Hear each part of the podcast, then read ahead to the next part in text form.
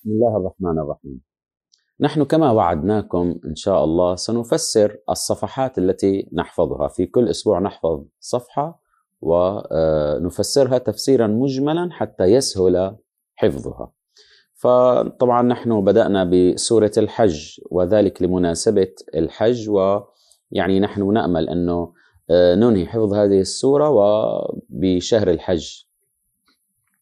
فسورة الحج هي من السور التي نزل جزء منها في مكة وجزء منها في المدينة. طبعا شرح بسيط للقرآن المكي والمدني.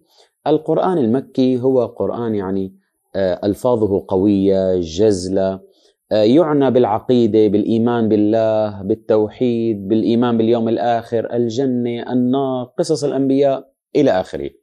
أما القرآن المدني فهو أحكامه تفصيلية أحكام يعني آه، يعنى بالنظام وبالأحكام وآياته طويلة وسوره طويلة كذلك. طيب تبتدئ السورة بقول الله عز وجل: يا أيها الناس اتقوا ربكم، طبعا هذا خطاب لكل الناس المؤمن والكافر، المسلم وغير المسلم. يا أيها الناس اتقوا الله سبحانه وتعالى، يعني اجعلوا بينكم وبين الله وقاية وحماية من عذاب الله سبحانه وتعالى. كيف ذلك؟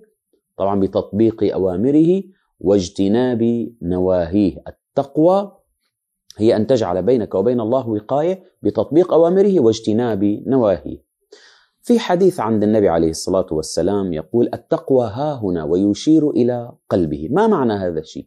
معنى هذا الأمر أنه يجب أن يمتلئ قلبك إيمانا ومحبة وخشية من الله عز وجل حتى ينقلب هذا الاعتقاد والإيمان والخوف إلى عمل وتطبيق.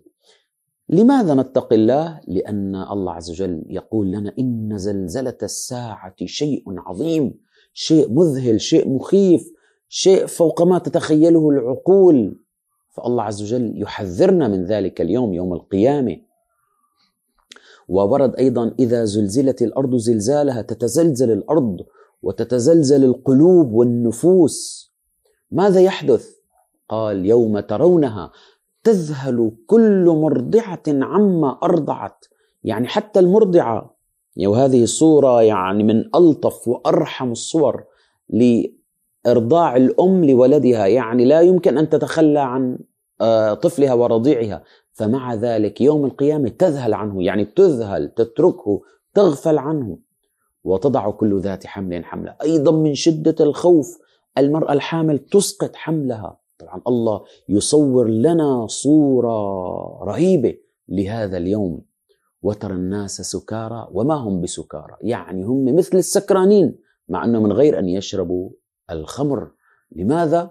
يعني مثل اللي فقد عقله ما له عرفان ماذا يحدث وماذا آه، يصير في هذه في ذلك اليوم. طبعا هذه الصورة المرعبة المخيفة. يا ترى هل هي لكل الناس؟ طبعا في الصفحة التي قبل سورة الحج إذا قرأنا إن الذين سبقت لهم منا الحسنى أولئك عنها. مبعدون. لا يسمعون حسيسها لا يسمعون صوت نار جهنم وهم فيما اشتهت أنفسهم خالدون. لا يحزنهم الفزع الأكبر. هذا الفزع الأكبر يوم القيامة. لا يحزنهم لأنهم في مأمن من هذا من هذا الخوف وهذا هذه الصورة المفزعة. وترى الناس سكارى وما هم بسكارى ولكن عذاب الله شديد. الآن بعد رسم هذه الصورة المخيفة ليوم القيامة الله عز وجل سيعني يحدثنا عن رجل آه، كان يجادل في الله بغير علم وبغير هدى وهو النضر بن الحارث. هذا كان في زمن النبي عليه الصلاة والسلام في مكة وكان يعني يقول عن القرآن أنه أساطير الأولين ويقول عن الملائكة أنهم بنات الله وكان ينكر البعث بعد الموت. فالله عز وجل يقول عنه ومن الناس من يجادل في الله؟ طبعا هنا في أدب قال ومن الناس لم يقل ومن الجاهلين قال ومن الناس. وهذا طبعا تعليم لأدب الدعوة إلى الله عز وجل. إذا أردت أن تنتقد أردت أن تصلح دائما استخدم واعتني باختيار ألفاظك. ومن الناس من يجادل في الله بغير علم ويتبع كل شيطان مريد. يعني كل شيطان خال مريد خال من أي خير كله شر. طيب الله عز وجل أيضا ماذا يحذرنا؟ قال يحذرنا من أن نتولى مثل هؤلاء الناس أو هؤلاء الشياطين. كتب عليه يعني الله وضع قانون لا يتغير أنه من تولاه من يتولى مثل هؤلاء الناس أو يتبع الشيطان المريد فأنه يضله لا بد أن يضله. وإلى أين يوصله؟ ويهديه إلى عذاب السعير. يعني إياكم من هكذا ناس أو من اتباع الشيطان. أنت لا يصحبك إلا من ينهضك حاله أو يدلك على الله مقه لا تصحب الإنسان تقي. الآن هذا كان يشكك بالقرآن يشكك بالبعث بعد الموت. الآن الله عز وجل في الآية الخامسة سيعرض لنا دليلان على قدرة الله عز وجل على البعث بعد الموت يوم القيامة لأنه كانوا الناس في ذلك الزمان يعني يتشككون. كيف بعد أن نموت ونصبح ترابا؟ كيف يعيد الله خلقنا مرة أخرى؟ فالله سبحانه وتعالى يقول يا أيها الناس أيضا خطاب للناس جميعا. إن كنتم في ريب من البعث. إذا متشككين من إعادة خلق الإنسان بعد الموت فالله عز وجل عم يقول يذكرنا بأول أول مرة خلقنا. فإنا خلقناكم من تراب.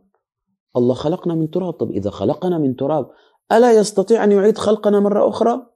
طبعا أهو هو أهون عليه. أهون عليه. أنت بتصنع شيء أول مرة لكن بدك تصنعه مرة ثانية بصير أسهل وأبسط. فإنا خلقناكم من تراب. طيب ثم من نطفة. يعني كيف تحول تراب بعدين نطفة. بعدين علقة. علقة هي الدم الجامد مثل العلقة مثل الحشرة أو العلقة التي تعلق. ثم من علقة ثم من مضغة يعني مثل مضغة الطعام مثل الأكل قطعة لحم مخلقة وغير مخلقة. فالله عز وجل عم يصور وكأنه تصوير على شاشة عم يصور لنا مراحل خلق الإنسان. طبعا وهذا فيه إعجاز علمي. لماذا؟ لأنه لما نزل القرآن في ذلك الزمان لم يكن هناك ثمة تصوير ما حدا صور في رحم الأم ماذا يحدث نطفة علقة مضغة من يعرف؟ إلا الحكيم الخبير إلى الله عز وجل. فهذا إعجاز ودليل على أن القرآن من الله عز وجل. لأن هذه الأوصاف بالضبط هكذا يحدث لخلق الإنسان. ثم من مضغة ومخلقة وغير مخلقة لنبين لكم ونقر في الأرحام ما نشاء يعني تستقر في الأرحام. طبعا منه من يستقر ومنه من لا يستقر. فإذا استقر وأصبح آه، وخرج طفلا سبحان الله تنفخ فيه الروح ثم طفل ثم يكبر. سبحان سبحان الله الطفل لا يعلم شيء ويتعلم ويكبر. ثم لتبلغوا أشدكم. يصبح الإنسان شاب ورجل عالم أمير وزير آه، ضعيف إنسان فقير غني ثم لتبلغوا أشدكم. ومنكم ومنكم من يتوفى. قد بعض الناس يموت في هذا الوقت ومنكم من يرد إلى ارذل العمر. وبعض الناس طبعا تمتد به الحياة حتى يضعف جسده ويصبح ضعيف مثل ما بدأ. ومنكم من يتوفى ومنكم من يرد إلى أرذل العمر لكي لا يعلم بعد علم شيئا إلى آخره. هذا الدليل الأول أنه مراحل خلق الإنسان وكيف الله خلقه من تراب نطفة مضغة فهذا قادر الله يخلقه مرة ثانية. الدليل الثاني الذي يسوقه الله عز وجل في هذه الآية على أنه الله قادر على إعادة خلقنا يوم القيامة. يقول الله عز وجل: وترى الأرض هامدة يعني يابسة قاحلة فإذا أنزلنا عليها الماء مجرد أن ينزل المطر والغيث فإذا أنزلنا عليها الماء اهتزت وربت اهتزت خضرة وجمالا وورودا وربت يعني ازدادت بالجمال وبالفواكه وبالطعام.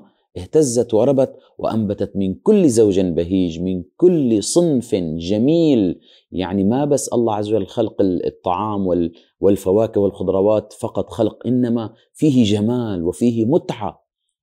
فهذا أيضا دليل الثاني على خلق الإنسان. أحدهم أتى إلى النبي عليه الصلاة والسلام فقال يا رسول الله كيف يخلقنا الله عز وجل ويبعثنا يوم القيامة؟ قال ألم تمر بوادي أهلك فتراه ممحلا يعني قاحلا يابسا؟ قال نعم. قال ألم تمر عليه بعد أن ينزل عليه الغيث مخضرا مهتزا آه، خضرة؟ قال نعم. قال, قال وكذلك يخلق الله الناس. إذا هذا الدليل الثاني على خلق الله عز وجل إعادة خلقنا يوم القيامة. نسأل الله سبحانه وتعالى أن يجعل هذه الآيات نورا في قلوبنا وصدورنا وعقولنا وشكرا لمتابعتكم. والسلام عليكم.